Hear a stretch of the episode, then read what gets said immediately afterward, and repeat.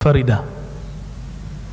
Orang-orang Bani Israel, Yahudi khususnya, jika perempuannya haid, tidak makan bareng, nggak boleh bercampur, tidak tinggal serumah, ditinggalkan di rumah yang terpisah.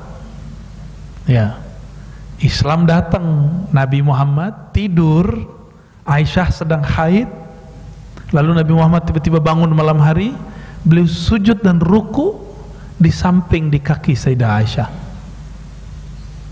Ketika sujud kaki Aisyah dikesampingin. Nabi kan lama berdirinya lama sujudnya. Tiba-tiba biasa orang kalau tidur tiba-tiba kakinya balik lagi gitu ya.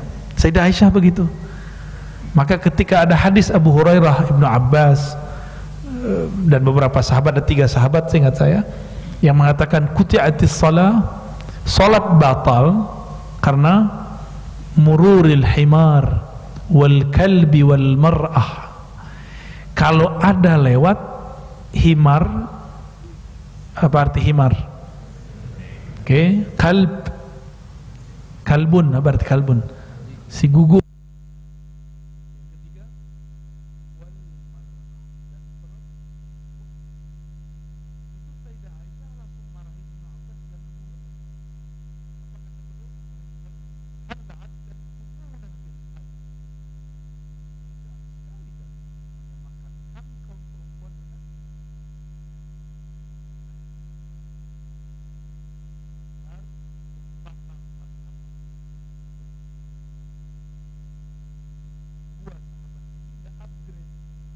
itu hadis sudah dihapus itu amalnya orang-orang Bani Israel dihapus oleh Rasulullah SAW apa kata Aisyah ketika aku haid Rasulullah sholat di kakiku gimana tuh ya? aku haid Rasulullah sholat kakinya melintang di depan tempat sujud Nabi Sallallahu Alaihi Wasallam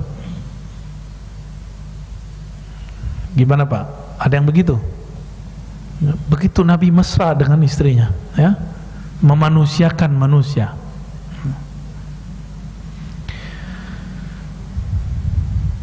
Lalu meskipun boleh bercampur, tapi nggak boleh melakukan hubungan badan, ya. Jangan kelebihan juga. Aku ingin menghargai perempuan seutuhnya. Lalu ya, berhubungan badan nggak boleh juga kan lagi haid ya. Nabi ditanya mengenai masalah perempuan haid ini boleh diapain ya Nabi mengatakan isna'u kulla syai'il nikah. Boleh lakukan segala sesuatu kecuali an nikah an nikah dalam ini pakai alif lam artinya hubungan badan. Ya. Nah itu bapak ibu punya istilah lah. Saya nggak tahu istilahnya ya. Kalau bahasa Arabnya istimta. Baina surrati wa ruqbah. Itu nggak boleh kecuali cuma istimta. Nggak boleh lebih. Nggak boleh saya terjemah ya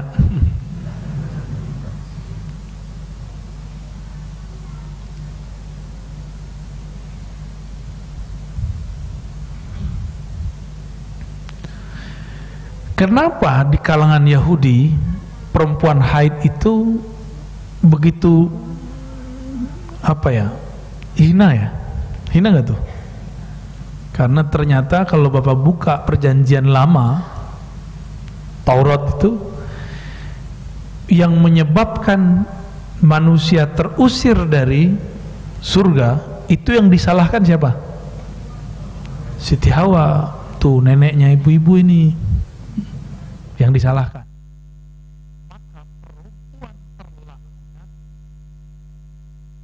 Mesti menebus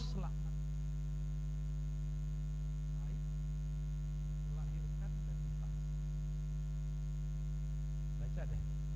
Makanya jangan takut baca kitab suci orang biasa aja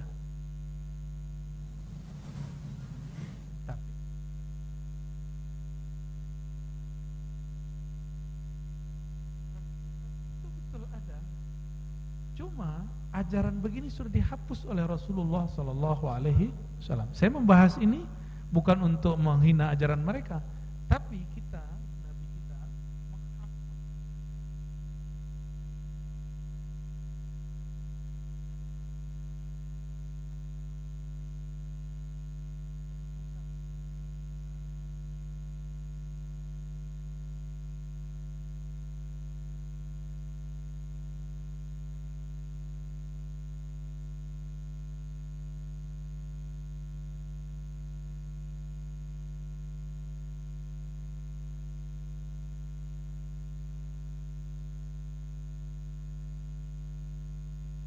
kewajiban rukun haji atau syarat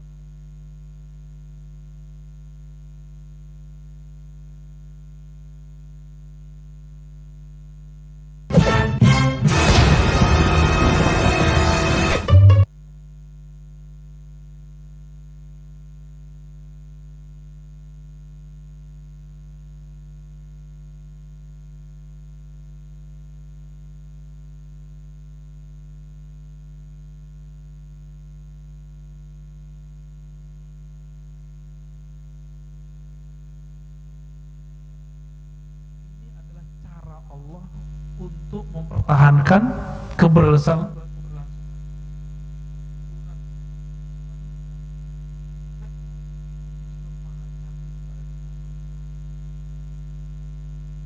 makanya nggak mungkin cowok mau cowok kawin ya. Nggak mungkin. Itu melawan melawan fitrah dirinya. Dan jangan lagi ngoyo apa ngomong begini aku adalah perempuan yang terpenjara dalam tubuh laki-laki jangan jangan ngomong gitu lagi ya. Kalau ngerti ilmu rohani kan dia ngomong tentang rohani tuh. Ayo kita buka. Orang yang begitu bukan ruhnya karena ruh bukan laki bukan perempuan. Roh itu tidak laki tidak perempuan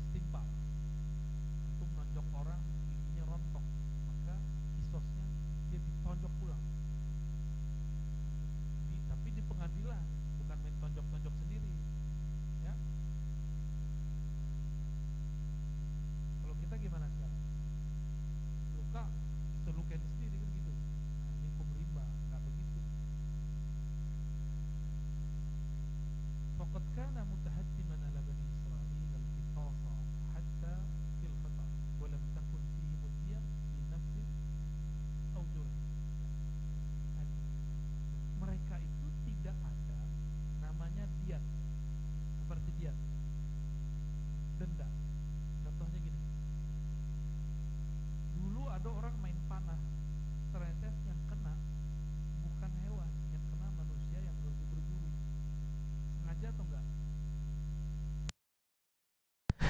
dalam hukum Bani Israel wajib kisos.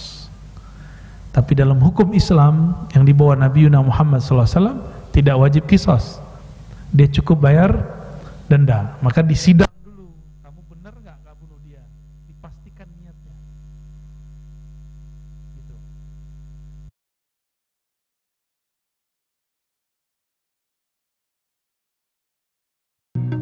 Jurnal adalah salah satu aplikasi penting di dalam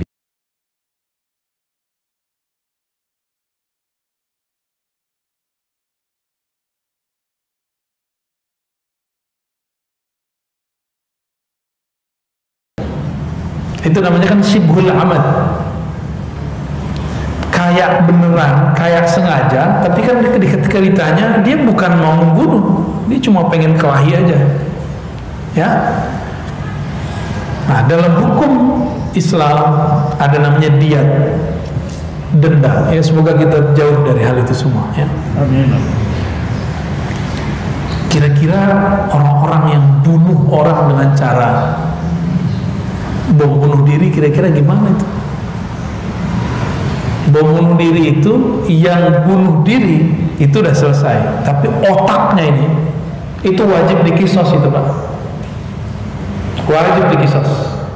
Otaknya ini yang ngajarin orang ini itu wajib dikisos. Masih ingat 2000 berapa sebelum pandemi di Mesir? Syazilia dibom oleh teroris. 200an orang mati termasuk anak-anak kecil. Mau beragama begini? Hah? itu jihad apa jahat ya mau membiarkan umat kita begitu. Maka setiap bapak dengar ada ajaran-ajaran bom bunuh diri jihad-jihad langsung pastikan ini barangnya apa ini? Ya kebanyakan itu bukan jihad yang sebenarnya. Semangat jihad itu tar nanti. Ya jihad yang fisik. Musuh kita betul-betul jelas. Nanti musuh kita adalah khawarij. Jelas pak nah mereka tuh bibit-bibitnya. Nah kita lagi sedang berjuang bersama guru-guru kita teman-teman kita yang ahlus sunnah yang kolbunya ada rahmatan lil alamin untuk membendung itu semua. Karena kebenaran kita lagi di Indonesia NKRI maka NKRI harus jaga kira-kira gitu.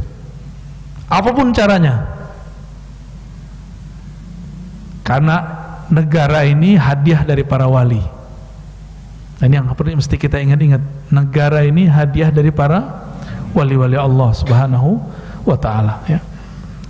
Wa katabna alaihim fiha anna nafsa bin nafs.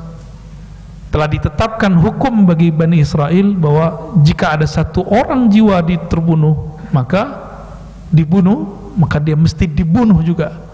Itu kisos namanya. Ya. tapi hukum Islam bukan berarti misalnya nih ini bunuh terus bunuh lagi. Bukan itu intinya. Intinya adalah menghargai kehormatan jiwa. Makanya sampai sekarang saya nggak habis pikir kok ada perjuangan seperti ISIS Jabhatun Nusroh itu heran kita. Bapak sudah dengar?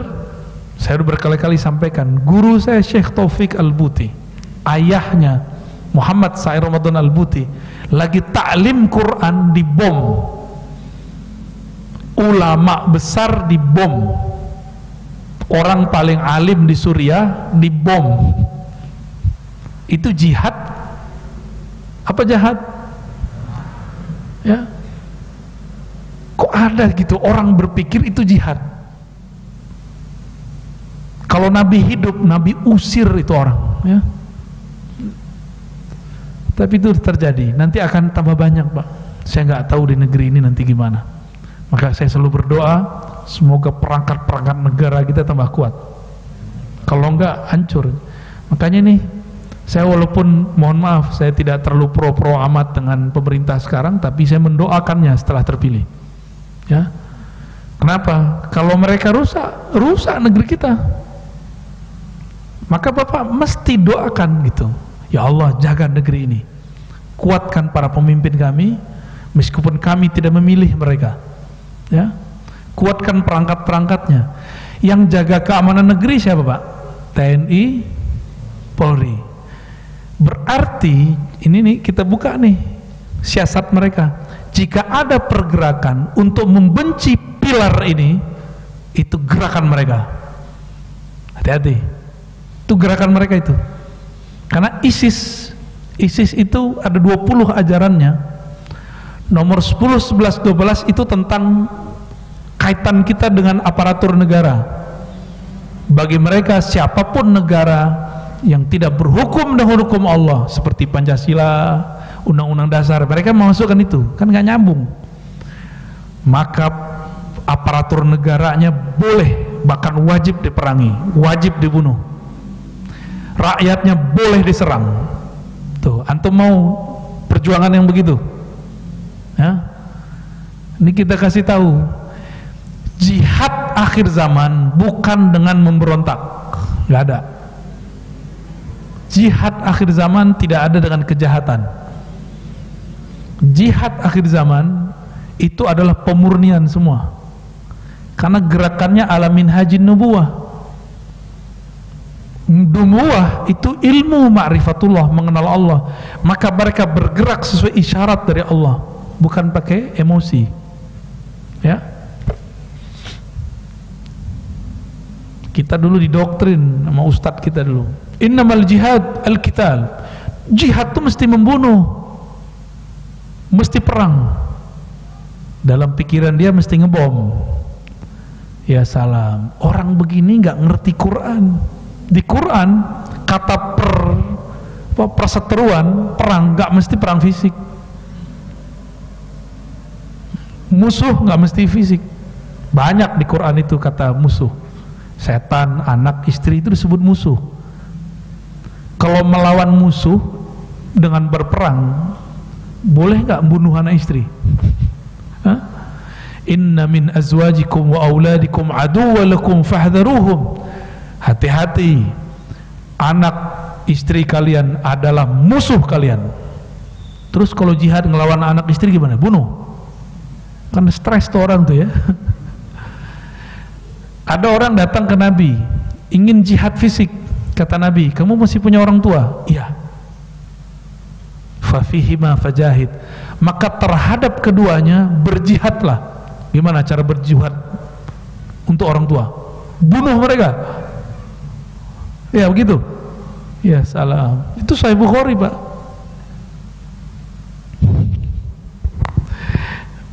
Ini enggak semua jihad itu kital jihad itu ada marhalahnya ada pertama marhalah dakwah marhalah inzar ya marhalah jidal ujungnya baru kital nggak boleh langsung langsung aja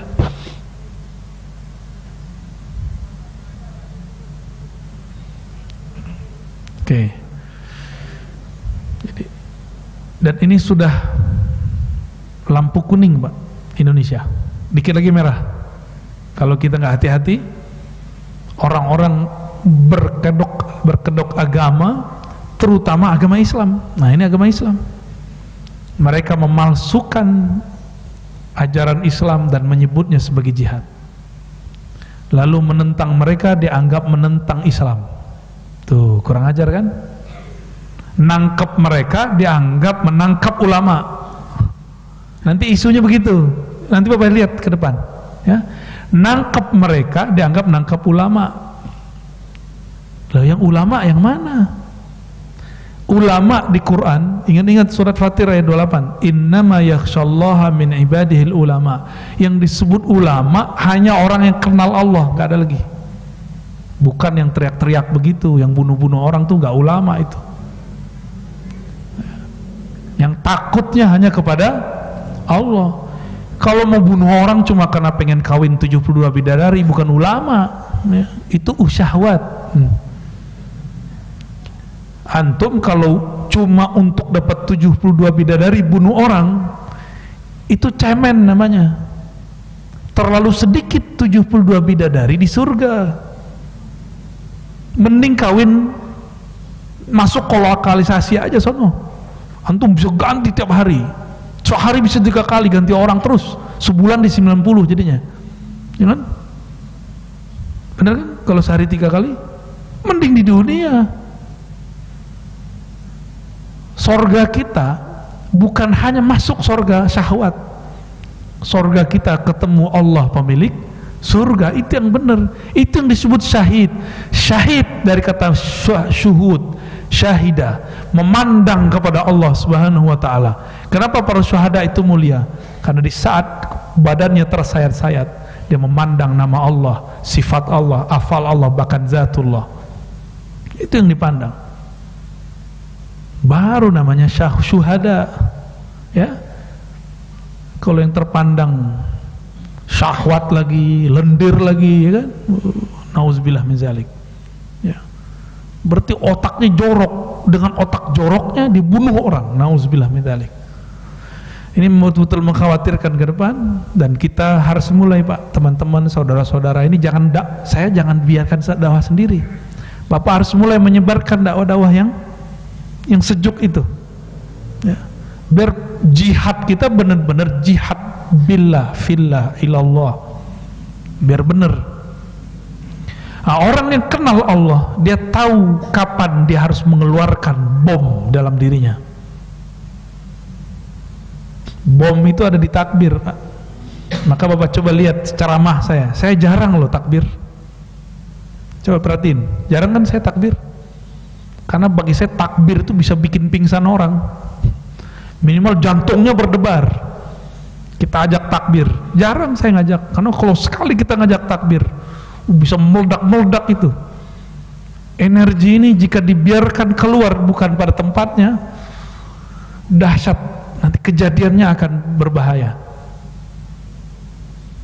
Nah, kita nggak mau energi takbir kita modak bukan pada waktunya ya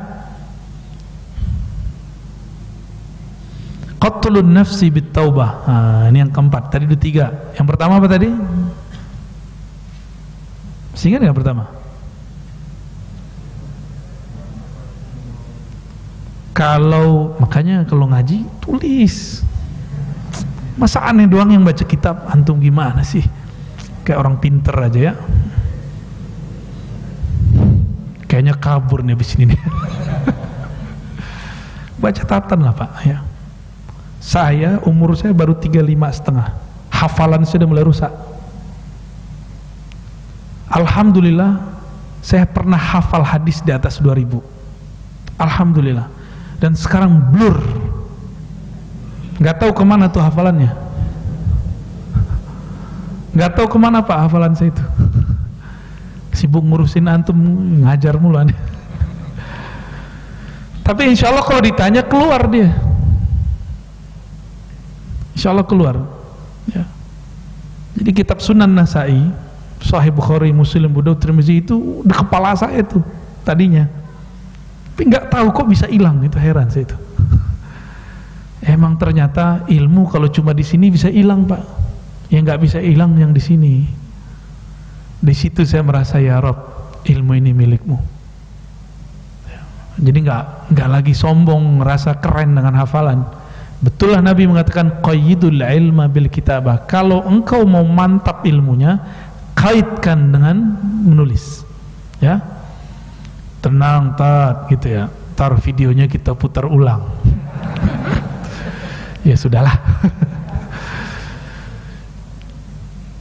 Qatlun nafsi bit taubah yang keempat yang Allah angkat beban umat terdahulu dari umat ini sudah nggak ada taubat dengan cara membunuh diri ya, kita punya kesalahan untuk menebusnya bunuh diri masih ada nggak di Islam jangan-jangan di Jepang begitu ya Jangan-jangan dulu ada syariat turun ke sana, ada nabi ke sana dulu. Cocok logi, Pak. Kenapa saya mengatakan begitu? Karena tidak ada satu wilayah kecuali ada nabi dan rasulnya. Jadi mereka kalau salah nggak berhasil melaksanakan tugas langsung bunuh diri, gitu. Dan diabadikan dalam Al-Quran kaum Bani Israel kesalahannya mengikuti ajaran Dajjal Samiri. Samiri sulap karena dia punya ilmu ilmu tentang ya, as ismul azam diajarin oleh Sayyidina Jibril. Itu Samiri kasyaf atau kasyaf bisa melihat yang gaib salah satu yang gaib Sayyidina Jibril. Jibril itu di mana menapak tempat itu diberkahi. Samiri melihat Jibril menapak di satu tanah maka diambil bekas tanahnya dijadiin bekas apa untuk patung sapi kecil. Lalu dia sulap. Karena itu bekas pijakan sini Jibril jika dia dibacakan isim tertentu dia akan mengeluarkan suara oh oh begitu terdengarnya oleh orang-orang Bani Israel ana rabbukum ana rabbukum akulah Tuhan kalian. Akulah Tuhan yang disembah Musa nabi kalian. Maka semuanya ruku dan sujud kepada sapi itu patung sapi itu demikian salah satu bentuk penafsirannya. Ya. Ketika Nabi Musa turun dia lihat umatnya sujud kepada patung sapi. Apa yang kemudian perintahnya? Fatubu ila barikum al-baqarah ayat 54 fatubu ila barikum faq Faktulu anfusakum. Bertaubatlah kamu kepada Allah, lalu bunuhlah dirimu. Maka mereka kemudian membunuh dirinya. Saya nggak bisa bayangin tuh gimana caranya. Dan yang aneh apa? Samiri otak dari kesyirikan itu nggak diapa-apain Nabi Musa. Hmm? Apa kata Nabi Musa? Mahot buka ya Samiri. Samiri, ada apa denganmu? Apa yang kamu katakan? Apa yang kamu lakukan?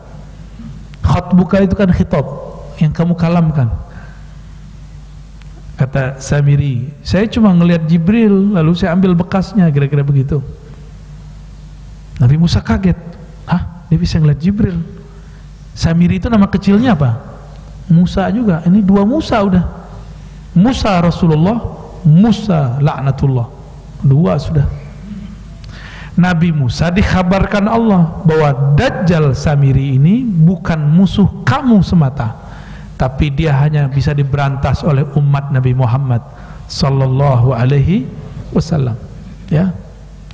Karena dulu dia musuh para nabi maka di akhir zaman Allah pun menyisakan satu orang nabi yang belum mati diturunkan lagi yaitu Nabi Isa namun itu musuhnya bukan musuh Nabi Isa itu musuhnya Al-Mahdi Nabi Isa kemudian diberi mandat oleh Imam Al-Mahdi untuk membunuh Dajjal. Ada pemberian pedangnya Pak, pedangnya Rasulullah dikasih balik. Ya. Gitu ya. Jadi kita tidak memisah-misahkan antara Nabi Isa dan Al-Mahdi. Ya, itu satu paket itu turunnya nanti. Wadhalika aidan huwa tariqut tawbah fi jumlatin minal ma'asi. Ya. Ada juga di zaman dahulu sebagaimana disebutkan dalam kitab Al-Mawahib Al-Laduniyah jika dulu lisannya maksiat, lisannya dipotong. Tangannya maksiat, tangannya dipotong. Dulu begitu. Beruntung nggak kita hidup sekarang? Antum udah berapa kali maksiat dari kemarin? Matanya gak dicolok kan? Ya bersyukurlah jadi umat Nabi Muhammad. فأما الأمة المحمدية فإن الله سبحانه وتعالى سهل لها الطريق التوبة ya umat Nabi Muhammad Allah mudahkan cara tobatnya nah kita beruntung jadi umat Nabi Muhammad sallallahu alaihi wasallam ya nah, kalau kita pakai surat An-Nisa ayat 110 wa may ya'mal su'an surat 4 ayat 110 siapa yang melakukan keburukan au yazlim nafsahu atau zalim summa yastaghfirullah lalu dia minta ampun kepada Allah. Yajidillaha ghafurar rahima. Dia akan mendapatkan bahwa Allah betul-betul pengampun dan penyayang. Mudah jadi umat Nabi Muhammad? Sallallahu alaihi wasallam. Sangat-sangat mudah. Kita beruntung ya. Terus kok ustadz ngomong tobat itu susah taat itu sulit. Ada yang ngomong gitu? Ya jadi orang baik itu susah. Ada ustadz ngomong begitu berhenti ente jadi ustadz ya. jangan jadi ustadz lagi. Semudah ini Allah memberikan jalan ente mempersulit. Ternyata dia baca satu riwayat Nasai si ustadz ini. Dan itu ustadznya banyak. Wa naru bisyahawat neraka diliputi dengan syahwat sedangkan surga diliputi dengan makarih dengan yang dibenci. Itu kan Nabi lagi ngomong nafs jiwa bukan kolbu. Kenapa tahajud jadi berat? Kalau antum pakai nafs pakai jiwa. Kalau untuk tahajud jangan pakai jiwa pakai kolbu. Kenapa antum yang jauh-jauh sekarang bisa datang? Karena nggak pakai nafs. Pokok pakai nafs nonton aja dari rumah ya tinggal rumah dekat masjid. Alasan si Om Rikon datang hmm? ya? Nggak mau datang padahal antum ngaji itu rahmatullah turun. Rahmat Allah itu nanti akan netralin. Wih virus-virusnya insya Allah. Insya, insya Allah. Doa-doa itu yang dahsyat.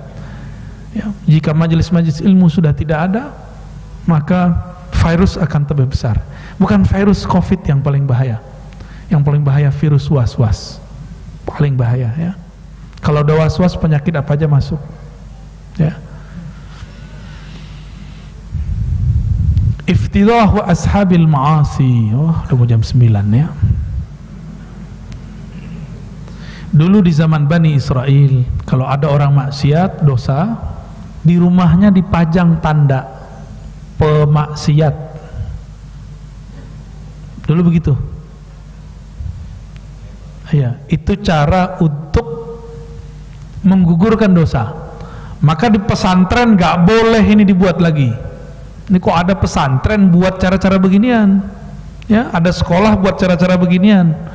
Santri salah terus dibuat label. Saya pelanggar hukum. Itu cara-cara apa itu ya? Ini syariat terdahulu yang sudah dihapus maka kita ingatkan teman-teman kita di pesantren jika ada cara-cara begitu wajib dihapus. Karena ini meniru cara-cara Bani Israel yang sudah dihapus oleh Allah Subhanahu wa taala ya. Kullu ummati mu'afan ilal mujahirin. Nah ini ada satu riwayat ini penutup pada pagi ini. Ini hadis hadis hadiah dari Rasulullah. Setiap umatku yang berdosa dimaafkan kecuali mujahirin yang pamer maksiat. Bangga dengan maksiatnya. Masing-masing kita punya masa lalu benar gak? mungkin masa lalunya main lawan jenis main duit orang ngerjain orang sihir macam-macam lah. Udah itu jangan diceritakan lagi. Tutup buku buka buku baru maka nggak usah dicurhatkan yang jelek-jelek itu kepada orang ya. Cukup kita curhat kepada Allah sekali dalam tobat habis itu kita tutup. Dah selesai. Itu ciri-ciri tobat diterima ya. Harus move on. Tahu move on ya? Jangan terikat oleh masa lalu. Kita ini makhluk masa depan wa inna minal jihar ay ya'mal ar-rajul bil-lail 'amalan thumma yusbih wa qad satarahu Allah ta'ala fa yaqulu ya fulan 'amiltu al-bariha kaza wa kaza wa qad bata yasturuhu rabbuhu yusbih yakshfu sitra Allah 'alayhi sitra Allah 'alayhi dulu di zaman Nabi kan belum ada sosial media. Nah kalau sekarang pakai sosial media. Malam-malam dia maksiat besok dia cerita sama orang. Padahal dia maksiat malam tadi nggak ada yang tahu ketika dia bilang gua malam tadi mabuk-mabukan. Hmm, tiga tiga botol aman nggak mabuk. Gua malam tadi main si perempuan itu. Hmm, diceritain untuk apa? Ternyata orang banyak bangga dengan maksiatnya. Nah yang begini gak diampuni Allah. Tapi antum dulu punya masa lalu. Mungkin lebih parah dari yang barusan. Gak usah diceritain. Tutup insya Allah Allah mampuni. Ini yang disebut kullu ummati mu'afa. Mu'afa afu. Afun artinya dihapus didilet oleh Allah subhanahu wa ta'ala. Allah bisa mendilet tenang aja. Terdidilet dari pikiran kita. Kalaupun ingat membuat kita tambah dahsyat tobatnya. Kalaupun ada orang melihat orang mikir ya Allah udah berubah ya. Dulu orang yang nakal sekarang keren gitu. Nah, beda kalau belum diampuni. Hmm, munafik gitu kata orang. Sok-sok suci. Gitu. Itu bedanya nanti. Penciriannya di situ Pak nanti. Ya, wallahu a'lam bis shawab. Ini baru lima lima beban yang diberikan kepada umat Bani Israel masa lalu lalu dihapus di masa umat Nabi Muhammad. Ini tanda bahwa Nabi betul-betul rahmatan lil alamin. Kita bersyukur kepada Allah jadi umat Nabi Muhammad. Jazallahu anka ya sayyidana ya Rasulullah. Semoga Allah membalasi Nabi Muhammad sebagaimana yang layak dibalasi Allah kepada nabinya. Amin ya rabbal alamin. Gimana Pak Kiai? Ada diskusi? Ada kan?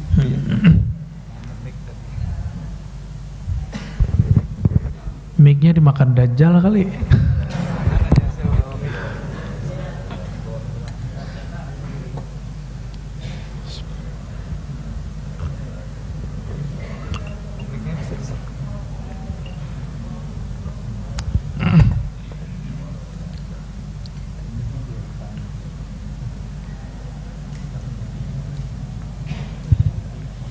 Baik Bapak sekalian, Alhamdulillah banyak sekali ilmu yang kita dapatkan dari guru kita Namun masih ada kesempatan Bapak sekalian Mungkin supaya lebih singkat Uh, saya berikan kesempatan untuk bapak-bapak dua, ibu-ibu satu. Ini bukan berarti membedakan ya bu ya, ya. tapi hmm. karena memang waktu. Biasanya ya. ibunya dua. Oh gitu. Iya, kata Buya ibu dua atau ibu empat ya? Enggak. ibu dua, bapak-bapak satu. Ya. Baik. Enggak ada. Ya udah, yang pertama aja. Iya, yang Antum serius amat sih ya. ya, mau satu, satu lagi. Baik, Bapak dua. Kemarin udah tanya ya, Pak ya. Yang pernah dipending kemarin mana? Yang uh, bulan dua bulan yang lalu. Gak hadir ya? Udah lupa deh pertama. kemarin udah tanya mungkin yang lain barangkali. Baik sini satu dua. Ibu-ibu angkat tangan dulu. Yang paling depan dulu karena ibu terlalu semangat berada di depan ya. Baik mungkin supaya lebih lebih ini karena satu lawan dua ibu-ibu didalukan bu ya. Baik. Mohon panitia dibantu ini dari tadi mic diumpetin kayak mohon di di bawah sini Mas Arif mohon Panitia harus selalu berada di lokasi jamaah untuk memudahkan ibu-ibu dan bapak-bapak sekalian. Agak lari mas. Zaman akhir nggak boleh lambat. Baik.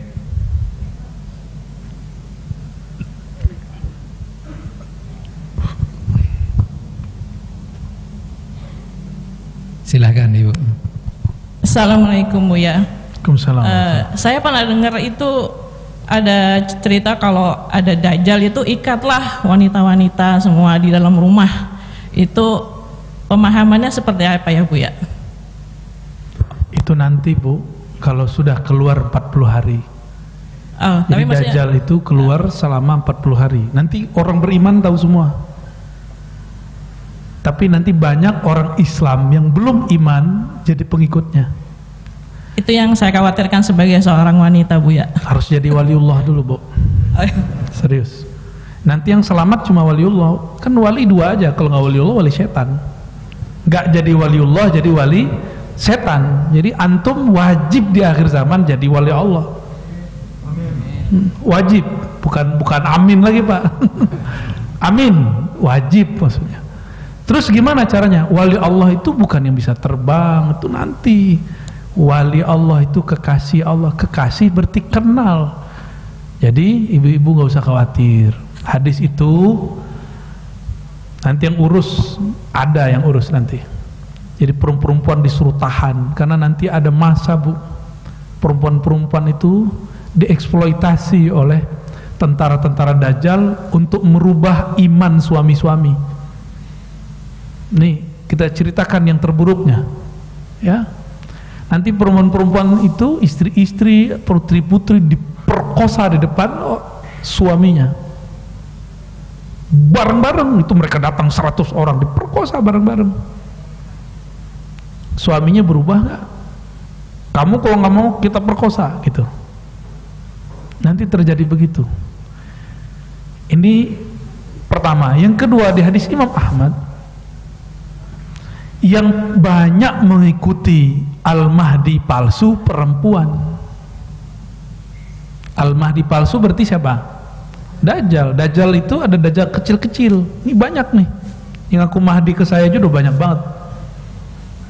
Karena kita buka kajian akhir zaman beberapa episode itu banyak yang ngaku. Yang kirim-kirim salam. Salam dari Imam Mahdi salam dari Binjai jawaban saya. Nggak usah khawatir bu ya. Sekarang dibenahi ini masih ada waktu banyak. Ya kalau saya menakarnya pakai ilmu pengetahuan ya kapan bahan bakar di alam semesta ini diperkirakan habis? Sudah baca beritanya? 2030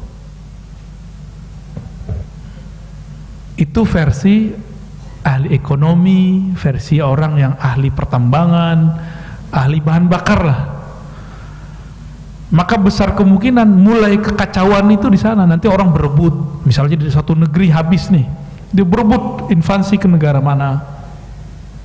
Di situ perang dunia terjadi. Disebut dalam hadis Al-Malhamah Al-Kubra.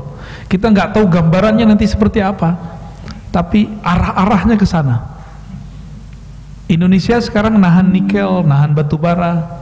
Ya, jerit nggak Korea Selatan? Oh, mereka butuh. Itu kalau mereka terpaksa diserang kita, Pak. Gawat nggak tuh? Ya, Cina butuh batu bara. Kalau kita nggak nggak kirim, oh, kita bisa diinvasi mereka. Nanti pahit-pahitnya bisa begitu. Eh, kayak zaman sebelum ada eh, MOU apa nation nation state ya. Negara-negara bangsa. Kan dulu masih belum ada oh, perang di mana-mana. Maka dulu itu kalau ada raja sultan dia mesti punya tentara. Setiap saat harus standby. Nggak bisa nggak standby dulu. Kita ini hidup di zaman paling enak. Jadi saya kasih tahu kepada semuanya zaman ini adalah zaman paling enak di alam semesta. Nggak ada lagi zaman yang lebih enak dari zaman sekarang antum mau apa tinggal pencet. Ya kan? Mau terbang ke mana pencet dulu. Tinggal berangkat. Mau makan apa pencet ya kan? Apa aja sekarang ada di handphone smartphone. Nggak ada di alam semesta sehebat ini. Udah separuh-separuh surga itu. Hmm. gak usah khawatir bu ya. Yang penting kenal Allah kenal Rasulullah Sallallahu Alaihi Wasallam jangan termakan oleh kajian-kajian hoax dan cocok logi cocok logi yang parah. Ya. Jadi ujungnya harus ma'rifatullah. Bukan data-data cocok logi nggak kita nggak butuh yang gituan. Ya wallahu alam bis baik berikutnya. Bismillahirrahmanirrahim. Allahumma sholli ala sayyidina Muhammad. Allahumma sholli uh, Abuya yang kami cintai Semoga Allah dan Rasulnya memuliakan Abu ya, memuliakan putra putri dan cucu cucu Abu ya. Uh, pertanyaan kami tentang masalah kiber Abu ya. Jadi uh, masalah apa? Masalah kiber, masalah sombong. Anak khairun minhu. Anak khairun minhu ini kira-kira yang ini maaf ini pertanyaan dari kami yang fakir. Jadi kami betul-betul tidak paham. Jadi ana khairun minhu yang manakah atau dalam konteks apakah yang boleh gitu karena uh, ada juga rasa-rasa ana khairun minhu itu dari seorang alim kepada seorang jahil hmm. dari seorang ayah kepada seorang anak dari seorang abang kepada seorang adik hmm. okay. apakah itu juga uh, terlarang Bu ya karena ini kan masuk dosa besar kemudian uh, kami sudah lama mengikuti ceramah Buya via online. Hmm. Mohon dimaafkan, memang baru beberapa kali kami langsung ikut. Kiranya Abu Ya uh, mengizinkan kami untuk mengamalkan amalan-amalan yang Abu Ya ajarkan melalui online. Kami tentu sangat bersyukur kepada Allah. Mungkin itu Abu Ya. ya. Mohon maaf uh, sebelumnya. Terima kasih. Jazakallah khair. Assalamualaikum warahmatullahi wabarakatuh. Apabila antum mengikuti kajiannya dari channel yang sah lalu durasinya pas tidak ada yang dipotong-potong dan mengikutinya dengan hati yang jernih. Cukup baca syahadat al-fatihah boleh diamalkan. Insya ya maharnya apa? Syahadat fatihah salawat. Tiga aja. Syahadat fatihah salawat. Insya Allah dibimbing oleh Allah swt Allah yang bimbing bukan saya yang bimbing ya. Saya ini masih butuh bimbingan juga ya. Jadi jangan terlalu uh, apa melebih-lebihkan saya orang alim enggak, enggak. Biasa aja, Pak. Ya. Lihat mukanya biasa aja kan. Masih manusia kan. Bapak jewer saya masih sakit ini. kiber, kiber sombong ya. Kiber ka'bara takbir sama Allahu Akbar itu besar. Yang berhak merasa dirinya besar, dirinya benar itu cuma Allah. Jadi orang sombong itu bukan hanya merasa badannya gede, enggak.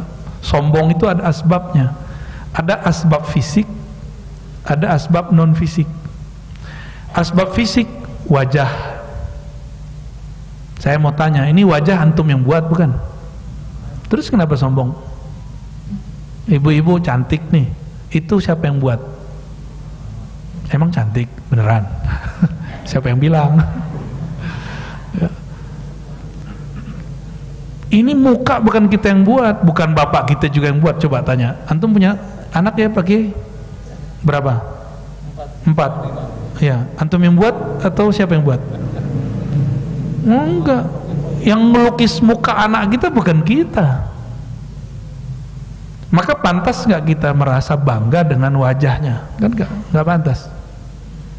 Ilmu. Nah, itu imateri. Nah, sebelum masuk ke imateri ini masih materi dulu duit harta di Quran rezeki itu kalimatnya selalu rozakana kami yang memberi rezeki mereka rezeki yang kami berikan cuma kan kita sombong banget ngomong gini ini kan usaha saya Mana peran Allah?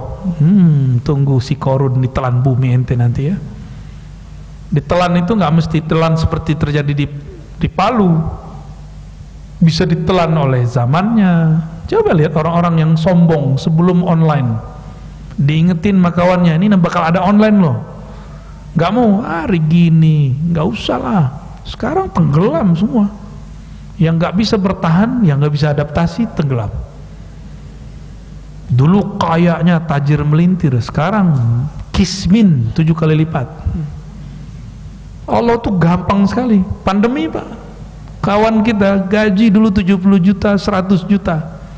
Mobilnya masya Allah, rumahnya masya Allah, kredit semua. Kalau mobilnya Eropa 2, rumahnya bagus, kredit kebayang ketika pandemi kerjaannya hilang. Rumahnya dijual, mobilnya dijual, nggak kebayar. Mudah bagi Allah merubah nasib orang. Nggak perlu susah. Siapa yang kira pandemi bisa sedahsyat ini? Tapi orang nggak ngeh juga ngerasanya kayaknya Dajjal masih lama deh. Udah segini dunia masih aja ngerasa Dajjal masih lama ya. Oh Dajjal itu sistem Ustadz uh, kayak so ilmiah anak kampus. Itu sistem di alam semesta sistem kebohongan. Eh bro kalau ada sistem di laptop di handphone di smartphone di iPad di apa itu ada yang buat nggak ada nggak yang buat namanya apa programmer misalnya programmernya ada yang buat Dajjal itu programmernya fitnah di alam semesta jadi sistemnya Dajjal ada, orangnya juga ada. Jangan sok-sok pinter lagi lah hadisnya sahih mutawatir. Ya, hadisnya sahih mutawatir. Ini banyak nih kiai-kiai itu bantah tentang hadis Dajjal. Ya salam. Kiai bantah hadis Dajjal, kira-kira gimana? Oh masih lama kok. Hmm. Dia lupa dua tahun lalu dia jerit banyak ustad iri sama ojol pak masih ingat ojol dikasih perhatian sama orang dikasih duit terus buat juga uh, apa namanya komunitas prihatin ustad ada kemarin dia lupa kalau itu terjadi. Nanti orang kaget semua. Ini kan baru satu tes case baru satu kejadian. Tanggal 15 Maret saya masih ingat pandemi ditetapkan di negeri ini betul? Ya? Dalam waktu yang cepat sekali Depok loh pak. Ini kan Depok nih Depok adalah nomor satu. Yang kena Depok tapi yang ditutup Aceh. Kan lucu yang ditutup Ambon Papua. Aneh. Yang kena di sini yang ditutup di sana. Sampai-sampai komplek-komplek di daerah itu ditutup semua. Gak ada pandemi di sana. Pandeminya belakangan baru ada.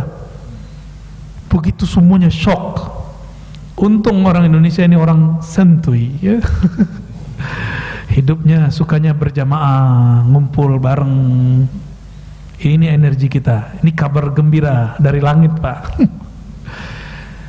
Nabi mengatakan kunu ibadallah ikhwana. Jadilah hamba Allah yang bersaudara yang berkumpul yang mesra yang bareng. Ini Nabi ngomong ya. Innamal mu'minuna ikhwah. Surah hujurat. Orang beriman itu bersaudara fa aslihu baina akhwaikum. Dan itu nggak mungkin kalau nggak ketemu. Jadi walaupun negara di dunia-dunia ini udah mulai hancur kolab kolab kolab kolab insya Allah negara kita masih Allah pertahankan. Selama masih mau berjamaah. Ya. Disuruh prokes kita prokes bawa pak masker tenang aja ya. Stok masker kan? Ya. Disuruh pakai hand sanitizer kita pakai. Yang penting ngaji jangan dilarang. Disuruh vaksin vaksin. Apa mereka mau? Ayo lu jual apa? Gue beli. Tenang aja pak kekuatan kita ada di majelis. Jadi nggak boleh misa-misa harus bermajelis. Ya orang-orang yang tidak bermajelis di akhir zaman itulah nanti akan masuk ke kelompok-kelompok mereka. Ya. Itu kiber. Jadi kiber ada sebabnya karena materi. Ada yang kedua yang paling bahaya imateri imateri ini merasa taat merasa berilmu merasa wali ya hati itu merasa ustadz merasa habib. Maaf ada habib yang hadir? Biasanya ada habib. Sakit perut. Itu sakit perut serius juga pak. Ya coba. Kalau nggak mau ntar sakit perut ya. Nasab hati-hati.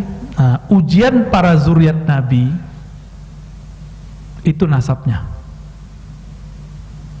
ujian para sayyid. Kalau belum lolos belum boleh disebut habib sebenarnya.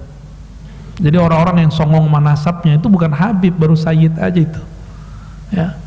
Habib itu kan warisan dari Habibullah kekasih Allah. Ente sombong manasab kapan jadi Habibullah? Nggak berhak namanya Al Habib Sayyid aja panggilannya. Saya kalau nggak kenal kenal banget saya panggilnya Sayyid. Ya Sayyidi. Itu itu adabnya cuma orang kita kan udah mancung dikit muka Arabik brewok ah beb beb beb. Jangan gitulah kita ya. Belum tentu makanya orang Indonesia paling gampang ditipu dengan muka-muka Habib dan para habaib jadi ke kewalahan. Benar nggak? Coba tanya para habaib kita yang yang murni ya. Mereka kewalahan sama orang-orang yang ngaku ngaku Habib. Jangan sombong dengan nasab ya nasab ente kalau nggak sesuai dengan warisannya nggak diterima oleh Sayyidah Fatimah ya nggak di sini karena nenek moyang mereka siapa? Sayyidah Fatimah. Ada lagi orang sombong karena gelar. Yang lucunya gelar haji dibaca gitu. E, kenalkan saya Pak Haji Bodong. ya, nggak usah disebut Pak, nggak usah disebut. Nanti sholatnya iri. Pak Haji sholat. Gak usah, gak usah disebut. Udahlah kalau bermajelis dengan kita gelar-gelaran itu nggak usah disebut. Orang panggil kita Pak Haji boleh. Kita nggak usah membahasakan diri kita Pak Haji Bu Haji. Itu nggak masuk ke alam kubur nggak ditanya. Kamu Bu Haji ya? Kata malaikat mungkarankin enggak nggak ditanya ada lagi yang karena pengikut nah ini yang paling bahaya orang sombong karena punya pengikut Nah, pengikut itu sekarang ada dua jenis, ada alam nyata, ada alam maya. Ya, ada yang ngomong, gua nih followernya paling banyak di Indonesia. Hmm, belagu amat ente. tunggu, tunggu, tunggu don aja itu. Sombong, terlalu sombong. Ya. Follower di yang kelihatan ini lebih gawat daripada follower yang ada di sosial media. Bapak nih mengikuti seseorang tinggal dibakar dibakar semangatnya nah, jika si ustadz si dai ini kolbunya belum matang dia ngikutin selera jamaahnya dia tidak bisa menggiring jamaahnya jamaahnya yang menggiring dia maka dai-dai itu harus dai ilallah kalau udah ilallah dia akan meleburkan semua orang dalam jalan kepada Allah Subhanahu wa taala. Dia harus kenal Allah dulu baru jadi dai. Kalau enggak enggak dai ilallah, dai ila ghairillah. Dai ke setan. Dai kesetanan namanya. Maka enggak penting pakai pakaian seperti apa. Yang penting itu dia ngajak untuk apa. Tapi ke depan mungkin saya sesekali pakai serban, Pak. Ya, sudah diperintah guru saya. Ya, udah ada dua guru kita, tiga malah memerintahkan untuk udah boleh pakai serban. Tapi kayaknya masih nyaman pakai kopiah ini ya. Ah, itu ijazah itu. Ijazah dari eh, Tuan Guru Wildan ya. Orangnya tawadu sekali, masya Allah. Seperti beliau dipakaikan gurunya, gurunya dari gurunya dari Rasulullah Sallallahu Alaihi Wasallam. Model serbannya khas dan itu beda rawi, beda cara memakaikannya. Makanya riwayat orang Yaman beda dengan riwayat ahli Mekah. Jadi itu namanya serban serban Makki, imamah Makkiyah, serban orang Mekah. Ya. Tapi guru saya Ki Ali Mustafa Yakub dulu melarang pakai sorban di tempat yang tidak pakai serban. Nah, ada lagi tuh, ada babnya ya. Nanti cuma di event-event aja kita pakai Pak, insya Allah. Khalas, cukup Oke, satu lagi ya. Assalamualaikum Buya. Waalaikumsalam. Allahumma sholli ala sayyidina Muhammad wa ala ali sayyidina Muhammad. Buya mohon izin pencerahan tadi ada kata-kata mabuk ya, sakar. Mohon pencerahan bed mabuk dengan Homer sama mabuk dengan cinta gitu. Hmm, ya, ya. Itu aja Buya. Terima kasih. Baik, baik. Assalamualaikum. Pernah kasmaran nggak Pak? Pernah kasmaran nggak? Kayaknya pernah ya.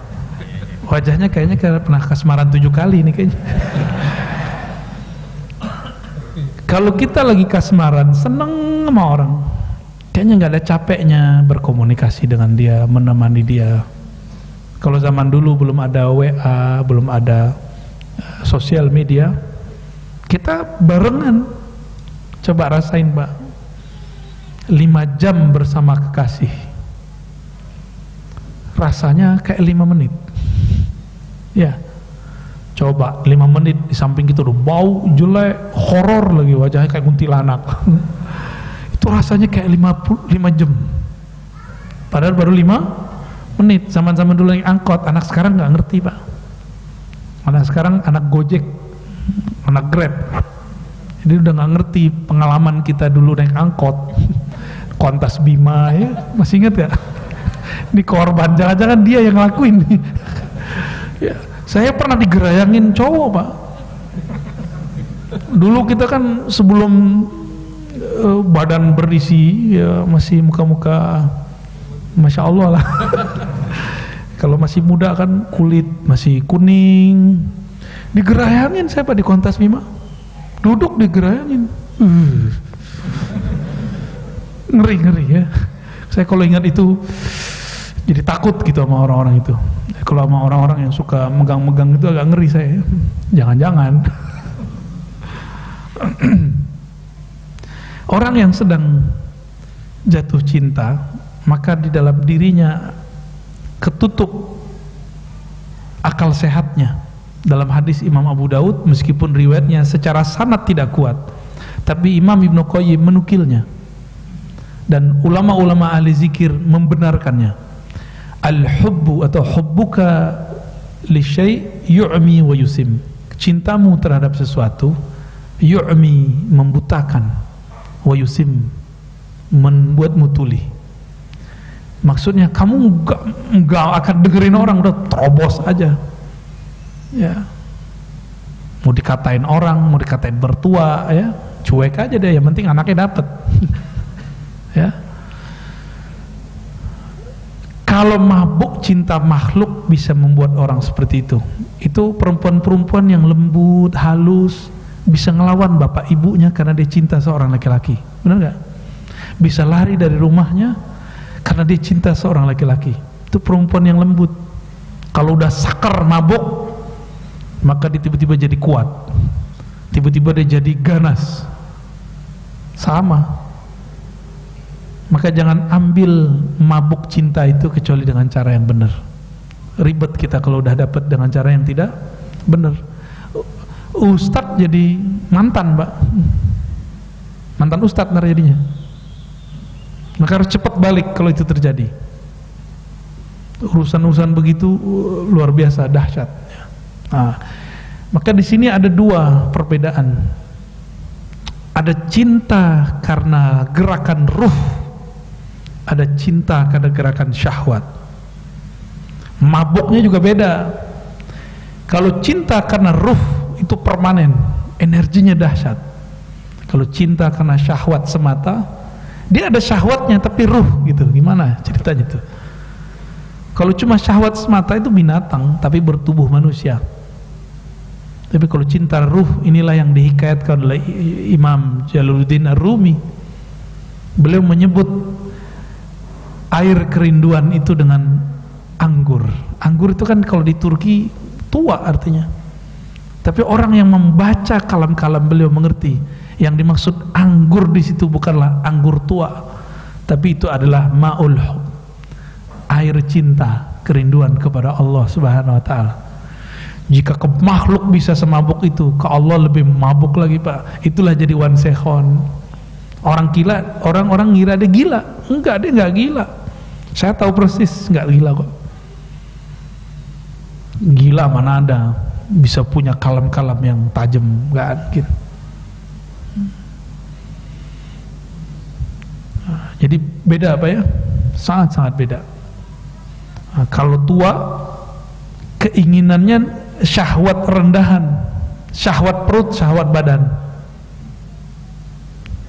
Beda ya nggak ada apa-apanya lah tua di bumi dengan tua cinta.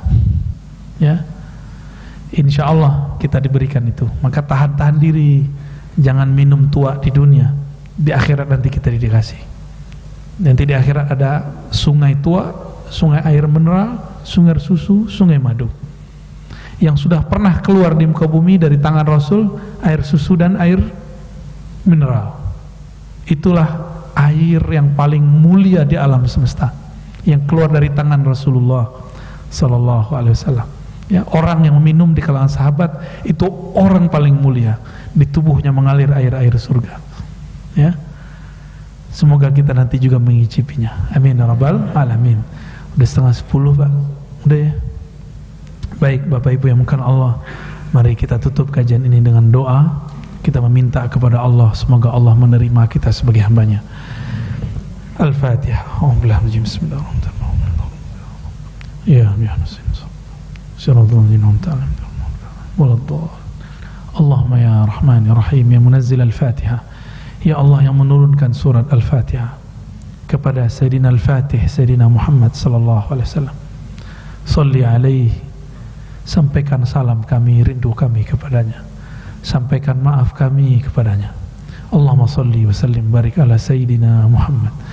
Allahumma ya ghafar ya ghafur, wahai yang maha pengampun. Ya afu, wahai yang maha pemaaf. Engkau maha tahu masa lalu kami ya Allah. Engkau maha tahu isi kepala kami ya Allah. Engkau maha tahu isi hati kami ya Allah. Engkau maha tahu bagaimana kami maksiat di masa lalu ya Allah maka ya Allah ampuni masa lalu kami ampuni isi kolbu kami yang tidak benar ya Rabb imla kulubana binuril yakin imla kulubana binuril ma'rifah. Imla kulubana binuril mahabbah. Ya Allah penuhi kolbu kami. Bukan lagi dengan cinta dunia tapi dengan cinta kepada engkau. Dengan mengenal engkau. Ya Allah hanya engkau lah yang dapat menerangi kolbu kami. Fanawir kulubana ya man huwa nur ala nur. Maka terangi kolbu ini yang gelap ini ya Allah dengan cahaya-cahayamu Man khalaqas samawati wal ard ya man bidihi malakutus samawati wal ard. Wahai pemilik alam semesta ya rabbal alamin satu helai rambut pun dalam tubuh kami kami pun tidak kuasa. Engkaulah yang maha kuasa. Tapi kadang kami lupa diri ya Allah kami kadang-kadang merasa berkuasa mengatur diri. Ampunkan buruk sangka kami sombong diri kami. Allahumma ya muqallibal qulub wahai yang membolak balik hati pagi ini kami masih terlihat taat kepada engkau. Tapi kami tidak tahu sedetik lagi satu menit lagi satu jam lagi sore nanti mungkin kami berubah ya Allah. Seandainya kami berubah ampuni ya Allah. Seandainya di antara kami ada yang kau panggil, panggillah dalam husnul khatimah ya Allah. Seandainya engkau panjangkan umur kami, Jadikan kami pejuang-pejuang yang betul-betul berjuang dalam namamu ya Allah Jangan jadikan perjuangan kami sia-sia kepada selainmu ya Allah Allahumma rizukna ma'rifatak Allahumma rizukna musyahadatak warzuqna ru'yata nabiyika al-mustafa Muhammad sallallahu alaihi wasallam fid darain wajirna minan nar wajirna minan nar wajirna minan nar وادخلنا الجنة مع نبيك المصطفى محمد صلى الله عليه وسلم Ya Allah meskipun kami banyak maksiat tapi tolong bebaskan kami dari nerakamu ya Allah. Meskipun kami tidak banyak taat tapi hadiahilah kami bersama nabimu di surga ya Allah. Rabbana atina fid dunya hasanah wa fil akhirati hasanah wa qina adzabannar sallallahu ala sayyidina Muhammad alhamdulillah rabbil alamin. Mohon izin tidak salaman seperti biasa. Assalamualaikum warahmatullahi